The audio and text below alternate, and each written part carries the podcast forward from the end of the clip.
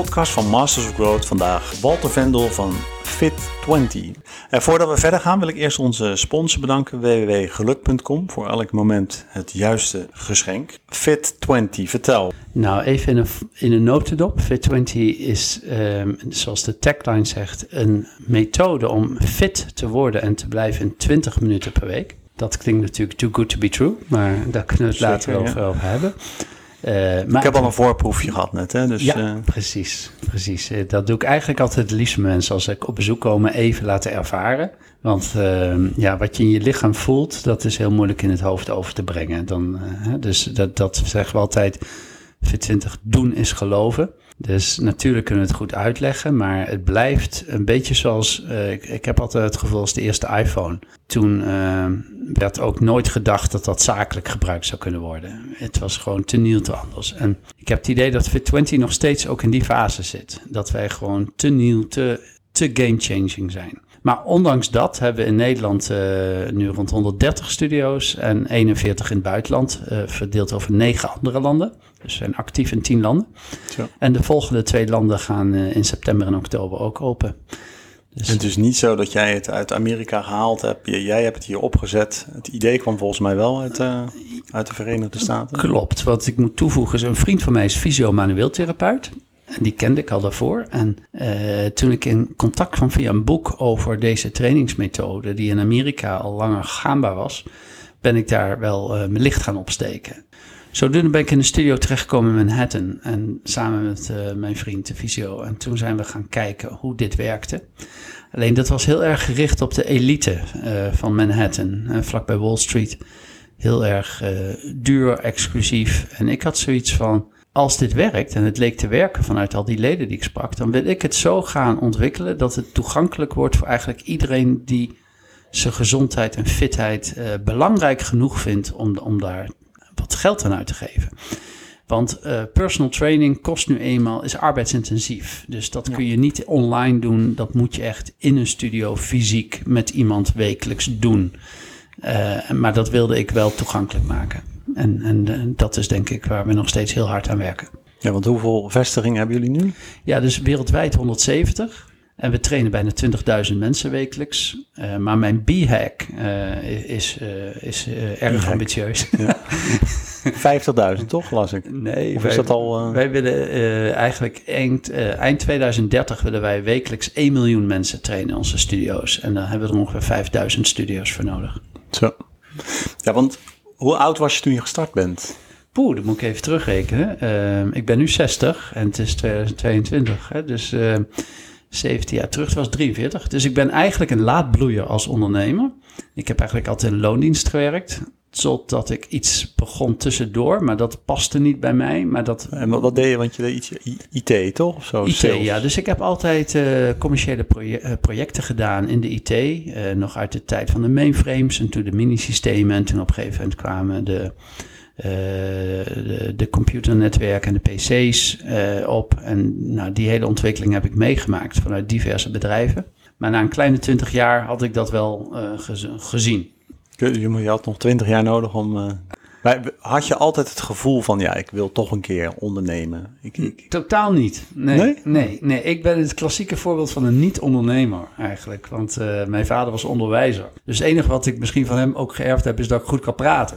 dat, ja. eh, dat gaat me wel redelijk af. Maar ondernemen, dat heb ik echt moeten leren met vallen en opstaan. En is nog steeds uitdagend met eh, nou alles wat er in de wereld om ons heen gebeurt. ja, en toch die, die, die groeiambities. Want, Ja. Ja, eh, en ik denk dat dat bij ons echt veel meer komt vanuit eh, de missie en de visie die wij hebben. Ik denk dat wij een heel erg missie, visie, eh, kernwaarde gedreven onderneming zijn. En dat ook de mensen die wij aantrekken, daar zie ik ook aan, ja, die verbinden zich daarmee. En in die zin is het zo anders dan een product verkopen. Ehm, wij, wij leveren een dienst waarbij echt onze oprechte wens is dat mensen de kwaliteit van hun leven verbetert. En dan haal je gewoon meer uit je leven. En het leven op aarde is beperkt en eindig. Maar het maakt heel veel uit eh, hoe je laatste jaren zijn. Ehm, en je hebt zo gezegd van mensen sporten als je jong bent, maar je moet het ju- juist doen als je ouder wordt. En dan is Fit20 daarbij niet zozeer een sport, maar eigenlijk veel meer een manier van trainen, waarmee je gewoon het fundament van je lichaam structureel verbetert op alle niveaus. Dus daar kan ik over uitweiden als je wil, maar uh, je wordt sterker en fitter, je hebt meer energie, uh, je hebt meer veerkracht, je cognitief is ook aantoonbaar. Dus als je beenspieren sterker worden, gaan je hersens beter functioneren. Hoe gaaf is dat? Wat ik me afvroeg, maar ik heb nu uh, een minuut getraind en uh, ik snap wel, ik was kapot na een minuut, dus uh, nog een eens 20 minuten. Maar ik had eerst zoiets van, ja, zonder zweten staat de airco, ik had al iets gelezen ja. van de airco, staat het dan heel hoog, maar dat is het niet, hè? Dat nee. is... Nee, het is wel 18 graden bij ons. Want je kan gewoon in je, in je, kan, je zou eventueel in je pak kunnen trainen. Of, uh... ja, ja, zeker. We hebben ook uh, advocaten, notarissen, accountants die, uh, als klant. En die, die komen inderdaad nog steeds in pak. Het wordt wat minder tegenwoordig, maar ze komen nog in pak. Sommigen met een stropdas zelfs. En een stropdasje gaat los, colbertje gaat uit. En dan gaan ze 20 minuten. Hè, en wij zeggen altijd: je moet eigenlijk trainen op leven en dood. Die intensiteit is het beste als je geen beperking hebt wel veilig natuurlijk, dus altijd onder deskundige begeleiding. Maar hoe, hoe beter je uh, tot de limiet kan gaan, hoe sterker de trainingsprikkel en hoe sterker de respons van je lichaam die leidt tot de adaptatie. En dat kan terwijl je dus in je overhemd en je nette broek zit. Dus uh, dat is. Uh, ja, want de intensiteit is dus echt super hoog, maar je zweet dus niet. nagenoeg niet. Nee. Klopt. En dat is doordat je langzaam beweegt. En dat is, uh, we zijn altijd gewend, ik ook hiervoor, dat als je gaat sporten, ga je zweten. En als je zweet, dan train je pas. Dan is het goed. Dan is het goed. En als je niet zweet, dan gebeurt er niks. Nou, dat, dat is dus niet per se waar. Dus je kan van binnen ga je wel in de brand. Uh, zeker als je op het moment van spier, tijdelijk spierfalen komt. Maar aan de buitenkant van je lichaam blijf je gewoon normaal, omdat je dus niet sneller beweegt. Dus je gaat zweten op een loopband door de snelheid van beweging en dat genereert warmte. Maar als jij langzaam beweegt, genereer je geen warmte. En gaat je hartslag je, dan wel omhoog? Of? Ja, op de leg press gaat je hartslag bij mij nog steeds rond de 195. Zo. En, dat kan en ik, niet zweten? En niet zweten. En met hardlopen kan ik dat niet meer halen op mijn leeftijd. Dus uh, dat zou ook onverantwoord zijn als je langdurig gaat hardlopen op een hartslag, op een dergelijke op mijn leeftijd. Dat, dat kan dus eigenlijk niet. Maar ik kan het wel zo halen. En dat heeft dus ook een heel groot cardiovasculair effect. Dus je algemene conditie verbetert door eigenlijk zes keer achter elkaar even te pieken, zoals wij het noemen. Iedere oefening piek je. En daarna gaat het weer heel snel voorbij. En, en dat is dus heel apart, omdat mensen denken je, je conditie verbetert als je gaat roeien of fietsen of hardlopen. Maar je conditie verbetert doordat je je spieren traint. En wij trainen je spieren, dus je conditie verbetert. En je hebt natuurlijk wel in een specifieke sport zoals wielrennen of, of hardlopen andere soorten conditie. Uh, maar je basisconditie wordt bij ons beter. En dat is dus wat we willen creëren. Zodat je gewoon een, goed fundament hebt om gewoon het optimale uit je leven te halen.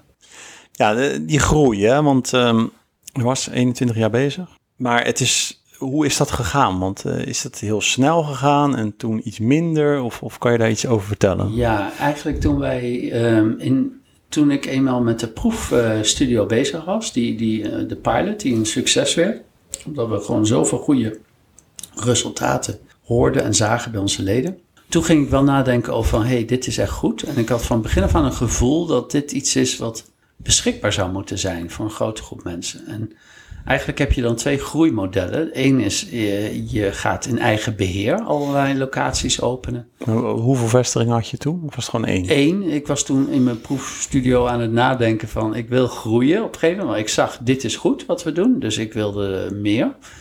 Alleen ik wist niet hoe. En daar, daar komt ook mijn onervarenheid destijds aan ondernemen. Maar ik ben toen me gaan verdiepen. En toen zag ik, ja, franchising is dus een, een distributiemodel waarmee je heel snel kan opschalen. En uh, dat sprak me eigenlijk al gelijk gevoelsmatig aan.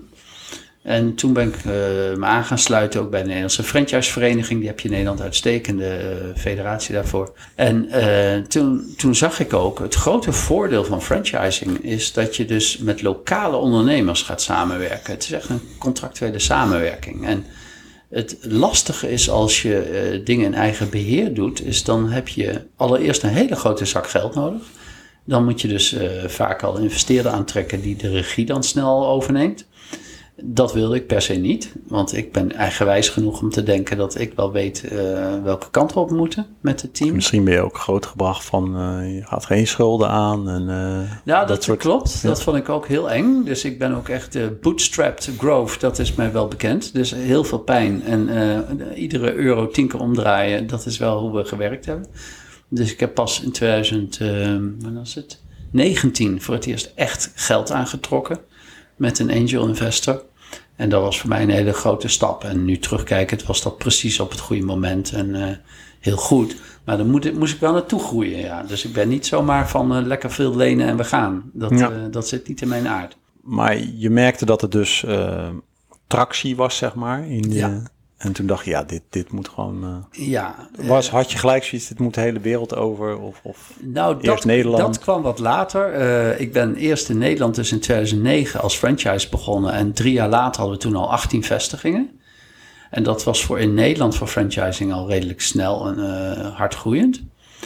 En in 2012 kwamen we ook met de variant voor in-company. Dus onze studio's lenen zichzelf ook door de kleinschaligheid heel goed om in uh, kan, uh, hoofdkantoren van multinationals, maar ook we hebben nu bijvoorbeeld een ziekenhuis waar we uh, personeel in onze studio kunnen trainen. Dat is natuurlijk ideaal, omdat je maar zonder omkleden en zonder douchen één keer in de week 20 minuten kan iedereen doen hm. op werktijd.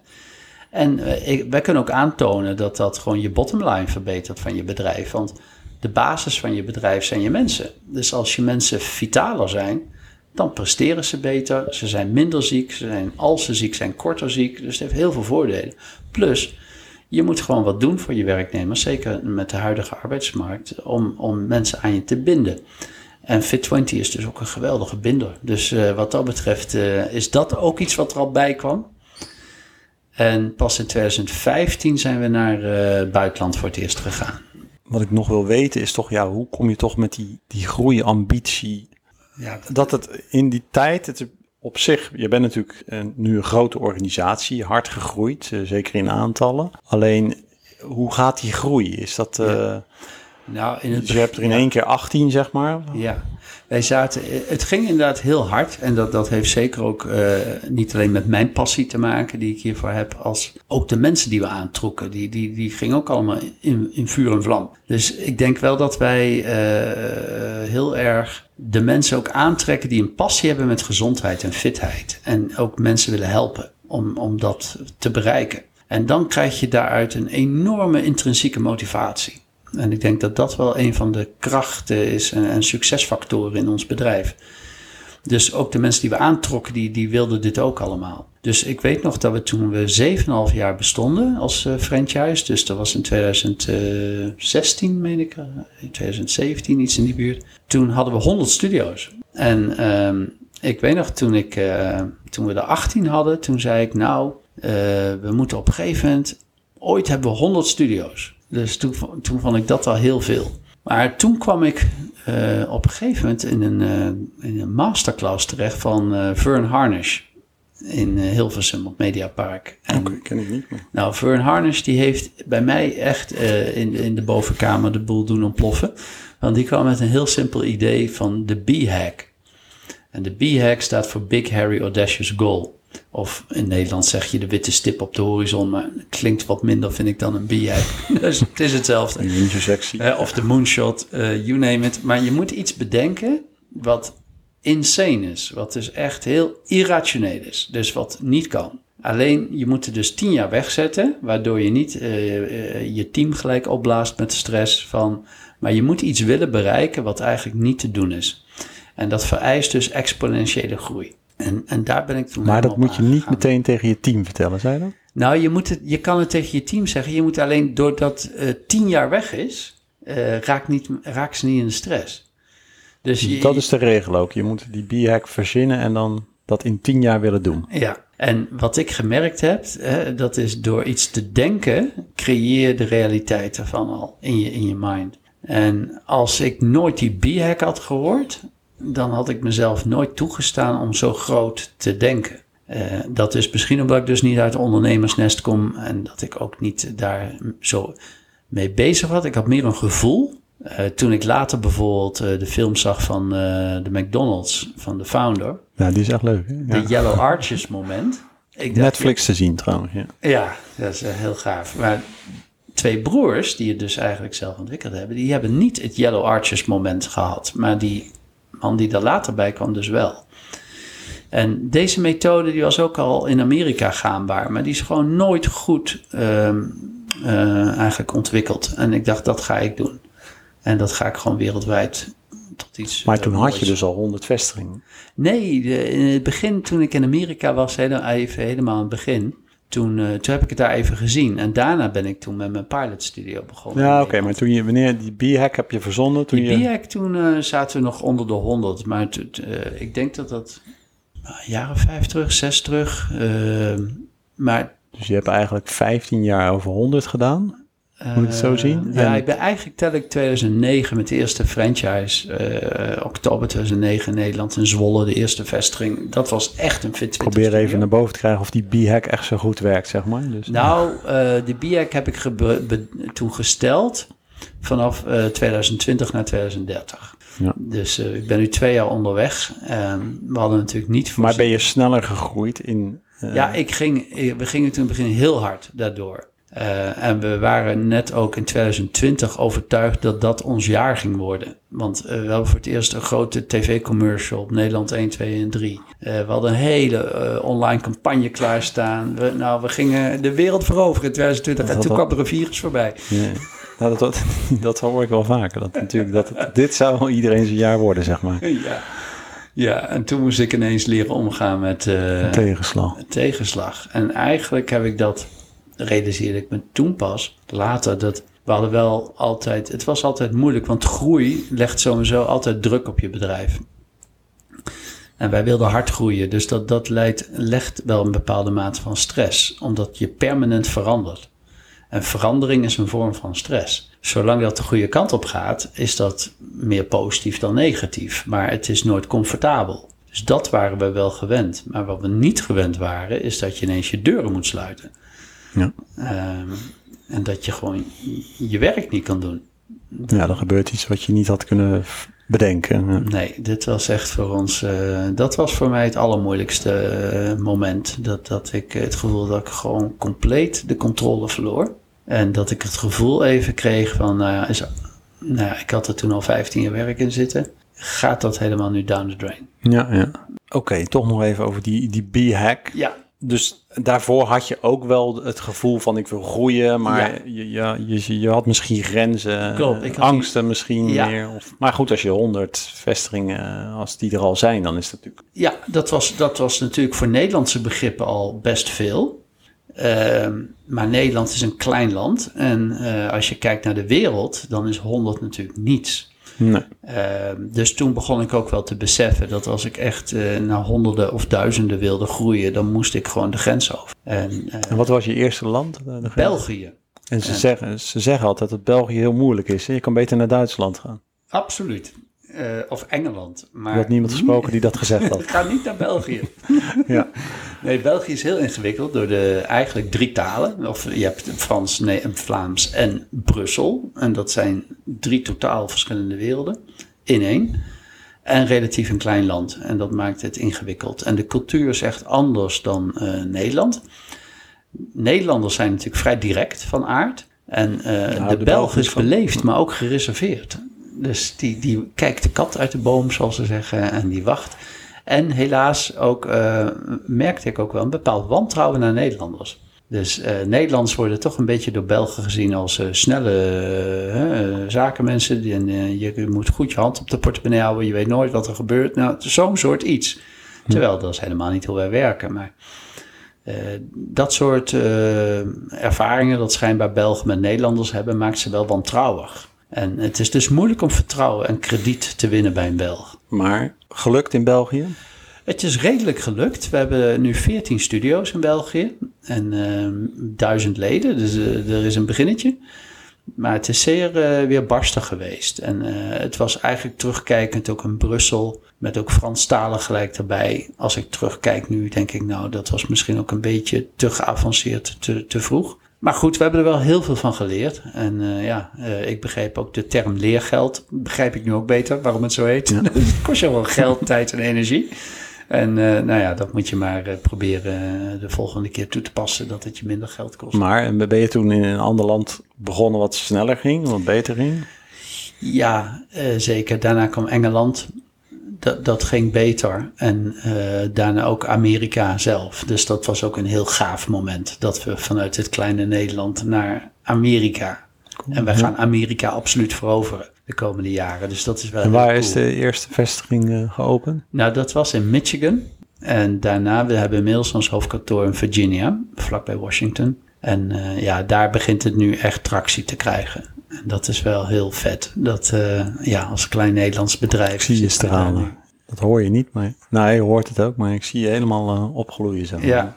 Maar dat groeien, want dat gaat, gaat het ook. Ja, nou ja, het gaat met groeipijnen. Maar zie je dan ook van: oké, uh, dit hebben we getest, dit werkt niet, het volgende. Hoe ga je daarmee om? Dat je constant aan het testen bent van, nou, daar zit misschien muziek in, zit attractie, ja of nee, volgende. Ja. Hoe, hoe werkt dat nou, bij jullie? Uh, dat is een hele goede vraag. En uh, het is ingewikkelder dan ik dacht. Dus om dat ook goed te identificeren. In, in Nederland ben je, staan wij ook dichter bij de studio's in het land en, en kun je, heb je een snellere feedback. Uh, buitenland heb je, je werkt in franchising met de zogenaamde master franchise-nemer, die de rechten voor het land uh, verwerft. En die gaat franchise-nemers in het land zoeken. Dus je wordt eigenlijk één stap verder, raak je verwijderd van, van de vloer. En is dat een handige manier? Uh... Dat is op zich handig als je al je processen op orde hebt en al je systemen. En uh, daar gaat iedereen door een learning curve. Wij als franchisegever, de master, de franchise-nemers in het land. En daar, ja, dat, dat, dat kost meer tijd dan ik me had gerealiseerd. Dus uh, ik was toch gewend aan de tijdspannen van Nederland. Maar als je de grens overgaat, ja, dan wordt het echt veel ingewikkelder. En, waarvoor dat idee van die franchise master? Is dat dan, dat gaat ten koste van de marges waarschijnlijk ook? Of? Nou, dat, het is wel noodzakelijk, want je ziet ieder land heeft toch zijn eigen cultuur. Uh, soms ook met franchising andere uh, fiscaal recht leningen bijvoorbeeld is ook per land anders geregeld. Dus het, het heeft toch wel uh, heel veel voordelen dat je een lokaal iemand het land laat runnen. En uh, die in principe hetzelfde kan doen in een land wat ik in Nederland heb gedaan. Alleen, ik weet ook niet hoe een, een Duitsland of een Frankrijk werkt. Dus... En zo, heb je dat ook gezien dus bij uh, andere franchise-organisaties, grote, die dat op die manier doen? Nou, dat, dat is dus iets waar ik achter kan. Er zijn eigenlijk maar heel weinig Nederlandse formules die de grens overgaan. Die die, die, uh, die, die ambitie überhaupt hebben. Ja, dat, dat is ja ik bedoelde meer de manier van, uh, doet uh, een McDonald's doet dat ook met in Nederland één franchise master. ja. Hoe kom je aan het idee, zeg maar? Dat is wel een universeel principe. Dus een franchise werkt wel met een moederorganisatie die de strategie en ontwikkeling doet. En dan per land zoek je voor iemand die echt de executie van de formule gaat doen. Dus die de roll-out gaat doen. Dus okay. een land heeft bijvoorbeeld een Nooit potentie... geweten eigenlijk. Ja, huh? Nooit geweten eigenlijk. Ja, dus je hebt strategie en ontwikkeling. En dan heb je natuurlijk executie. Dus ja, neem Frankrijk. Daar kunnen bijvoorbeeld in tien jaar tijd 500 studio's komen. Dus je moet daar een organisatie hebben die dat als doel heeft. En wij moeten zorgen dat wij die organisatie faciliteren om dat te kunnen uh, realiseren. Maar de ondernemersverantwoordelijkheid ligt in het land zelf. En in de studio ligt de verantwoordelijkheid voor het werven van voldoende leden om de studio goed te laten draaien. En dat zijn ook gedeelde verantwoordelijkheden. Dus dat is denk ik ook een heel groot verschil met uh, mensen in loondienst hebben. Dus vaak draai je ook bij supermarkten van Albert Heijn de, de franchise-vestigingen iets beter dan de filialen omdat uh, een franchise-nemer die kijkt om zes uur nog even of de schappen gevuld zijn of niet. En die zorgt dat ze anders gevuld zijn voordat hij naar huis gaat. En iemand die in loondienst is, die denkt zes uur, ik ga naar huis. Ja. Ja, maar ik kan me ook zo voorstellen dat zo'n, uh, dat zie je nog toch wel eens met dealerschap. Nou, iemand heeft een dealerschap voor een bepaald land naar binnen gehaald en die denkt, nou, ik uh, zie wel wat er gebeurt, zeg maar. Of uh, merk je dat ook? Dat zijn, ja, dat zijn ja. best wel intensieve gesprekken met zo'n persoon, denk ik. Je moet natuurlijk Klopt. alles weten. En... Klopt. En, en uh, wat ik ook geleerd heb, en daar heb ik zelf ook last van, je, je maakt allemaal aannames. En ehm, hè, als mens denk je ook dat iedereen denkt zoals jij. Nou, dat, is, uh, dat blijkt dus een foute aanname te zijn. en, Goeie tip trouwens. wat, mij daarna heel erg heeft geholpen, na de B-hack, wat, wat mij echt zeg maar wel helemaal aan heeft gezet op het idee van opschalen, is daarna moet je kijken, ja, hoe dan? En ik ben zelf toen EOS tegen het lijf gelopen. Dat staat voor Entrepreneurial Operating Systems. En dat is door een zekere Gino Wickman in een boek, Traction. Nou, Traction, dus hoe creëer je tractie? En dat is door te zorgen dat je je systemen, je processen, je mensen allemaal goed uh, met best practices aanstuurt. En als je dat uh, op die manier doet die ik daar geleerd heb, dan kun je dat ook overdragen naar andere landen. En dan begrijp je elkaar, omdat je dezelfde termen gebruikt en dezelfde spreadsheets en dezelfde dingen invult. Uh, dus dat heb ik wel geleerd, dat je meer moeite moet steken en dat je elkaar begrijpt. Ja. Um, en dat je zo min mogelijk ruimte laat voor interpretaties. Je bent eigenlijk wel ook altijd aan het leren, begrijp ik. Ja. Nog volop, ja. Volop. Maar ook ja, echt intensief trainingen, boeken. Ja. Ja, absoluut. Je merkt gewoon dat uh, door de cultuurverschillen en als je niet dingen, processen heel uh, uh, op de goede manier heel duidelijk maakt en heel expliciet, dan gaat het altijd ten koste van de performance. En hoe gaat het? Want jij, jij vertelde net dat het allemaal mensen zijn die van gezondheid houden en die motivatie heel erg hebben, maar ja. zijn het ook ondernemers? steeds meer, en dat merk je ook, dat is, dat is een hele interessante vraag, dat uh, tijdens onze groei merk je ook dat je in het begin, weet je, trek je net zoals met een nieuw product of dienst, trek je altijd eerst de early adopters aan. Wij trokken ook heel erg de pioniers aan en de avonturiers, maar ook de mensen die, die durfden te gaan op mijn verhaal. Uh, natuurlijk ben ik altijd zo enthousiast geweest over wat we doen. Mede omdat ik gewoon echt uh, de benefits heb gezien van Fit20. Dus dat, dat ja. staat ook voor mij als een huis. Dus ik heb ook altijd daardoor uh, met 300% overtuiging hierover gesproken. Terwijl vroeger verkocht ik wel software van ik wist, nou het zat vol met bugs. En dan moest je het nog steeds verkopen. Nou, op een gegeven moment had ik daar steeds meer bezwaren mee. Want ja, ja je gaat iets verkopen wat niet goed werkt. Ja.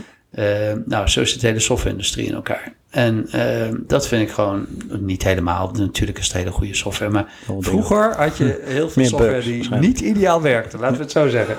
En wij hadden een dienst met Fit20 nog steeds. Die, die werkt. Die is gewoon hartstikke goed. Dus uh, dat vond ik makkelijk daarover te praten. Natuurlijk is de professionaliteit, die is nu wel hoger geworden. Ook in de landen die we nu, waar we nu mee in gesprek zijn merk je, nu we tien landen hebben, worden we ook anders gezien dan toen ik helemaal Mickey Mouse was. En uh, ik heb een leuk idee en ik wil naar het buitenland. Ja, je autoriteit uh, die neemt natuurlijk ook toe. Want ben je daar ook bewust mee bezig van, ja, we kunnen misschien toch beter in uh, UK beginnen. Ja, dat België ja. was misschien toch niet zo handig. Of wel? Ja, en, en, nee. en, en, nu bijvoorbeeld, we gaan nu bijvoorbeeld in Spanje beginnen. En in Spanje moet je dus alles in Spaans vertalen. Nou, dat klinkt simpel, maar dat is alweer een aardige klus. En uh, toen dacht ik, ja, het is wel ook iets makkelijker als we nou eerst de Nederland of de Engelstalige landen hierna gaan uh, binnenhalen. Dus uh, denk aan Australië, Ierland en Canada. Dat waren nog de drie grote Engelstalige landen. En India, vreemd genoeg. Dat, wist je dat India het meest Engels sprekende land ter wereld is? Nee. Wat ik me nou afvraag, van, is het dan niet beter om gewoon dan vol in de Verenigde Staten eerst maar te gaan in plaats ja. van ook nog Spanje bij te pakken. Of ja, daar heb je waarschijnlijk dat heel zeg, vaak over nagedacht. Dat, nou, dat zeggen meer mensen. Wat jij zegt klinkt als heel gezond verstand. Um, en, en er valt veel voor te zeggen en veel bedrijven doen het ook zo. Eerst in één land voorzichtig en dat land groot en dan de volgende. Uh, maar franchising leidt, is wel een heel uh, hoe noem het, gedistribueerd systeem. Dus je kan met franchising, dat is de beauty, in heel veel landen gelijktijdig acteren omdat je heel veel processen hebben gebouwd en systemen. Die, het maakt niet uit of er één, honderd of duizend studio's aan hangen. Dat kan simultaan. En dan krijg je ook echt de voordelen van franchising. Dus je kan met ons uh, in tien landen tegelijkertijd schalen. Ja. Dus dat heeft wel. Maar ja, aan de andere kant, als je één in Spanje hebt, dan uh, dekt dat misschien uh, de kosten van de vertaling. Daar heb je helemaal gelijk in. Dus er moeten er in Spanje uiteindelijk wel 200 komen. En, en dat gaat ook wel gebeuren. Uh, maar uh, het is niet zo dat we eerst 200 in Spanje en dan pas het volgende land. Want dan gaat het allemaal te langzaam. En dan uh, gaat mijn b-hack niet lukken.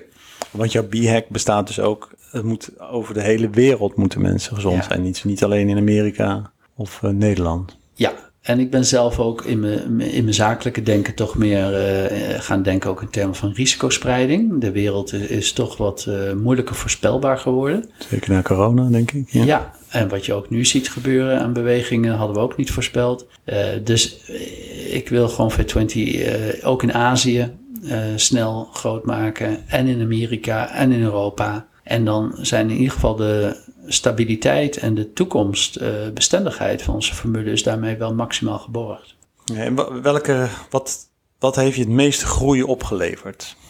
Wat, wat was nou de beste uh, dat je dacht van nee, hier zit zoveel tractie in. Dat is de manier om bijvoorbeeld nieuwe franchise-nemers uh, te genereren, creëren. Ja, nou, ik denk dus dat, dat je, als ik terugkijk, ik, ik heb een tijdje lang heel veel businessboeken gelezen, omdat ik uh, me, met die materie bekend wilde maken. Maar uh, de EOS heeft me heel erg geholpen in een bepaalde fase. En nu merk ik met de internationale expansie, hebben we weer een, een nieuwe partner gevonden, die ons echt gaat helpen met nieuwe markten. En we gaan nu echt meer beginnen zoals het eigenlijk moet. En dat heb ik jarenlang een beetje op gevoel, zoals veel ondernemers werken op gevoel of een, hè, een bierveeltje en gevoel. Maar nu, laten we echt van een land eerst bijvoorbeeld een strategisch rapport maken van wat is nou echt precies de potentie van dit land. Dan krijg je daar een bepaalde waardering die eruit voortvloeit, een bepaalde prijs die je een master moet betalen. Dus het worden wat meer goed onderbouwde processen met ook betere uh, uh, roll-out projecties. Waar je ook elkaar beter aan kan houden omdat het gevalideerd is. Ja. Dus dat is wel een stukje professionalisering die ik nu zelf weer doorloop. In, uh, in het, uh, nu we echt naar 30, 40, kijk, we de komende jaren wil ik in principe vijf landen per jaar koppelen aan onze formule. Dus we gaan echt hard groeien de komende jaren.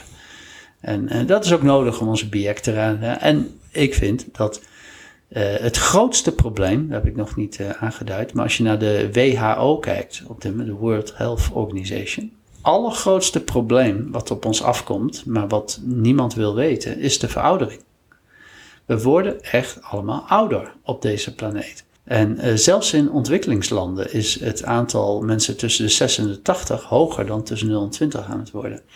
Dus je ziet massale toename van de leeftijd. In Nederland is de gemiddelde leeftijd nu 42 jaar. En daar werk jij mee, toch? Ja.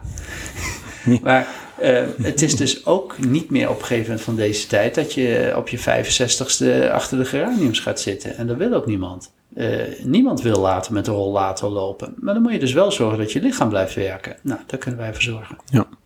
Wat ik me dan altijd afvraag, even een zijstap, want uh, ik ben geen gezondheidsspecialist. Maar ja, dan word je ouder en dan uiteindelijk moet je toch een keer dood, zou je zeggen. Absoluut. Dus ik, ik, dus, ik, zou, ik ja, zou geen claim van uitstoot. ik zou bijna zeggen van uitstok om afstel, maar ja. ja. Nou, kijk, uh, de vraag is, hoe wil je oud worden? Dat, dat is ook iets waar mensen liever niet aan denken. Um, hè, en oud worden is niet een sexy onderwerp, maar het is gewoon zo dat we met z'n allen aan het verouderen zijn. En op zich hoeft dat helemaal niet zo erg te zijn als je uh, een paar simpele dingen doet. Dus, dus Fit20 is één van de dingen. En er zijn er meerdere. We hadden het al even over koud afdouchen eerder bijvoorbeeld. Dat is ook iets, als je dat dagelijks doet, dat is een geweldige gezondheidsprikkel. Met eten, je hoeft niet per se allemaal uh, biologisch of vegan te eten, maar je, suiker is suiker. En als je daar een overdosis dagelijks van toedenkt, dan ga je diabetes krijgen. Ja. Um, dus er zijn bepaalde hele simpele principes waar je uh, rekening mee kan houden. Dus dan eigenlijk het ideale plaatje is dat je gewoon, je bent 100, je ligt in je bed en je zegt gewoon, nou, het is mooi geweest. Nou, en je sluit je ogen. Dat lijkt me een heel mooi toekomstplaatje. Dat is een andere podcast.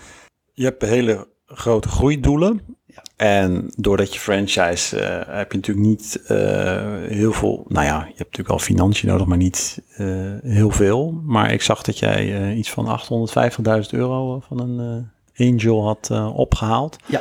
Maar kan je daar al jouw ambities van uh, financieren? Als ik jou zo hoor, dan. Uh, nee. Spanje. ja, dat is niet voldoende. Dus er zijn een aantal manieren natuurlijk om dat te doen. Maar de, de beste manier natuurlijk is toch met groei, je groei financieren. Ja. En dat is wel het model wat ik nastreef. Dus alles wat wij met groei, dus ook met nieuwe landen die we binnenhalen, wat er aan inkomsten van binnenkomt, gaat allemaal in de groei. Dus ik, uh, ik run dit bedrijf samen met een collega. En uh, ons streven is altijd geweest, we zien het als een familiebedrijf, nog steeds. Dus wij doen Is geen dat een compagnon of collega? collega? Ook compagnon, ze heeft ook een aandeel dus, eh, in het bedrijf. Dus wij, wij eh, runnen dit bedrijf niet als een corporate met hele hoge salarissen en, en eh, allerlei secundaire dingen. doen we niet. Nog steeds eigenlijk een soort bootstrap, hè? Ja, ja, je kan bij ons niet meeste verdienen. Dus je kan, eh, zeker nu hè, met de gekte van de arbeidskrapte, je kan bij andere bedrijven meer verdienen. Maar wij maken een fantastische reis met dit bedrijf. En dat voelt iedereen die hier werkt, dat hier wat gebeurt. En, en, eh, dat wij iets gaan doen vanuit Nederland naar de wereld, wat, wat niet heel veel bedrijven doen. Want ik had maandag nog iemand op bezoek eh, eh, uit de fitnessbranche. en die zei, wist je Walter, dat er maar 70 bedrijven zijn wereldwijd in de fitnessbranche met meer dan 100 vestigingen. Ja. 70. ja. En in Nederland ben je ook een van de grootste In drie, Nederland toch? ben- Ja. zijn we de derde na, eh, op vestigingen, niet op aantal leden. Je hebt natuurlijk wat we noemen de big box, dat is de basic fit, de fit for free. En dan heb je nog een paar ketens. Eh, Train More is een hele mooie eh, natuurlijk ook aanbieder. Maar wat wij doen, wat valt in de zogenaamde boutique fitness, zijn wij, eh, heb je twee aanbieders zoiets van deze omvang. Dus eh, er zijn er niet zoveel die eh, groot dromen. Chapeau, heel goed gedaan, ja. En je bent nog bezig, hè, zei je al. Ja, En kijk je ook naar die grote fitnessbedrijven, hoe zij dat doen? Die, die, die over, ik, ik weet niet, Ja, ik geen dele. namen, Golden, Golden Gym of zo. Is dat over de hele wereld of nou- juist niet? Of alleen in Los Angeles bekend? Nee, ik kijk wel eens naar, dat heet zogenaamd Anytime Fitness, maar dat is niet helemaal vergelijkbaar, omdat dat een traditionele fitness is. Met middengroot qua, qua footprint. Als gimmick hebben ze 24-7, hè, dus dat je ieder uur van de dag daar kan trainen. Maar dat is wel een franchise. En eh, die hebben als voordeel gehad dat ze in Amerika zijn gestart. Nou, als Amerika je home market is, dan, dan ben je al een, een maatje groter voordat je internationaal Dan gaat. heb je gelijk autoriteit natuurlijk. Want als die- iets in Amerika werkt, franchise, dan denkt iedereen aan McDonald's van, eh, dat moeten wij ook hebben. Ja, ik ben, ja precies. Dus, dus, dus het klinkt anders. Dus dat, dat heb ik wel een ander soort weerstand. En vooral in het begin moeten overwinnen. Van wie ben jij uit Nederland om mij te vertellen wat we moeten doen. Aan de andere kant merk ik wel dat Nederland, en dat, is eigenlijk denk ik wel iets om trots op te zijn. Nederland eigenlijk bijna altijd eh, de andere landen positief wordt eh, ontvangen. Dus eh, ze weten vaak niet waar, waar Amsterdam precies ligt. Laat staan Zwolle, waar wij in de buurt van zitten. Maar. Nederland staat toch positief aangeschreven als land. Dus ik denk dat dat wel heel gunstig is voor ons. Maar als er nou dadelijk iemand komt van, nou hier hebben we een hele grote zak geld, dan kan je nog meer eh, leden gaan creëren. Wil je dat dan juist wel of, of, of, of niet? Want ze ze zeggen toch de, de winner takes it all, eh, dat principe.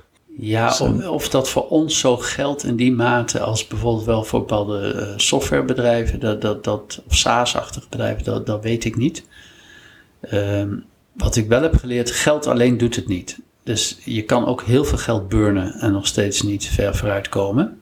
Doordat wij altijd met weinig geld hebben moeten groeien, denk ik dat wij wel geleerd hebben altijd geld slim te gebruiken. En, na te denken voordat we het uitgeven. En de condities waaronder geld beschikbaar komt zijn belangrijk. Dus ja, in hoeverre hou je autonomie? Ja. In hoeverre kun je een koers blijven uitzetten? Eh, je ziet vaak beursgenoteerde bedrijven, als je iedere kwartaal weer verantwoordelijk moet afleggen, ja, dan wordt het weer anders ondernemen. Nou, ik hoorde in een podcast met de vegetarische slager dat hij zijn bedrijf aan Unilever ver- verkocht heeft. En nou, dat werd hem natuurlijk, eh, althans natuurlijk, het werd hem ook wel kwalijk genomen. Maar uiteindelijk zei hij, ja, anders had ik nooit zo kunnen groeien. Ja, ja dus eh, dat is voor hem. En dus zijn doel te kunnen bereiken. Ja, precies. Dus dan, je weet nooit eh, van waaruit je volgende stap gaat komen. Dus het is zeker wat ik wel herken, en mijn reis is iets anders, maar wat je van A naar B brengt, brengt je niet van B naar C. En ik weet niet precies op dit moment, eh, als ik op B ben, hoe, hoe, hoe ik C ga bereiken. Ik moet me openstellen voor nieuwe mogelijkheden. Ik geloof wel altijd dat, dat je aantrekt wat je nodig hebt op dat moment. Dus ik merk dat ook de soort personen die je op enig moment ontmoet, die net de personen zijn die je moet ontmoeten op dat moment om weer door te groeien. Daar zie ik altijd wel een soort eh, verband in. Dus daar heb ik wel ook wel vertrouwen in dat wij ook de financiële partijen wel gaan ontmoeten wanneer we die nodig hebben. Als je maar doorgaat. En als je met doelen, uh, hak jij die doelen ook in stukken op? Ja. ja, wij werken wel in die zin wel met kwartaaldoelen en jaardoelen. Uh, om wel de discipline erop te hebben. En die houden we ook op een scorecard bij en die tracken we wekelijks. Dus en als, als, die... als dat dan wat minder is, hoe ga je daarmee om? Nou, dan ga je kijken wat kun je eraan beïnvloeden. Uh, bijvoorbeeld met lockdown, als je dicht bent, ja, dan kun je een doel hebben wat je wil, maar hè, dan houdt het op. En zelfs nu hebben we nog steeds niet dezelfde soort uiterlijke omstandigheden als voor COVID. En ik hoorde ook dat uh, bijvoorbeeld in Nederland de fitnesscentra hebben nog steeds niet het ledenaantal gemiddeld dat ze voor COVID hadden op dit moment. Dus iedereen is nog niet hersteld. De franchise staan misschien ook niet springen, omdat die natuurlijk dit risico ook meenemen.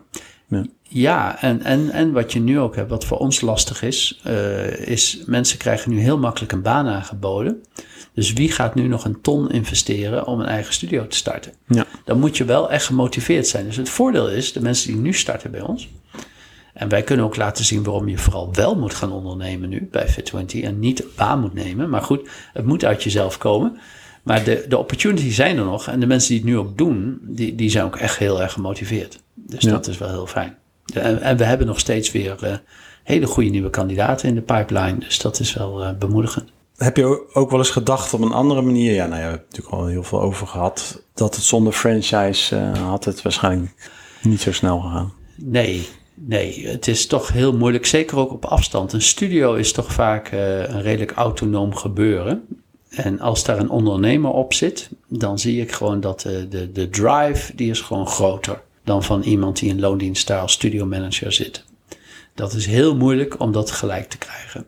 En dat, dat kost heel veel tijd en energie. En daarbij hebben wij gezegd, nou, wij willen focussen echt op uh, de formule wereldwijd beschikbaar stellen. En dan is franchising voor ons een perfect format wat daarbij past. En, en, en dan houden we ons daarbij.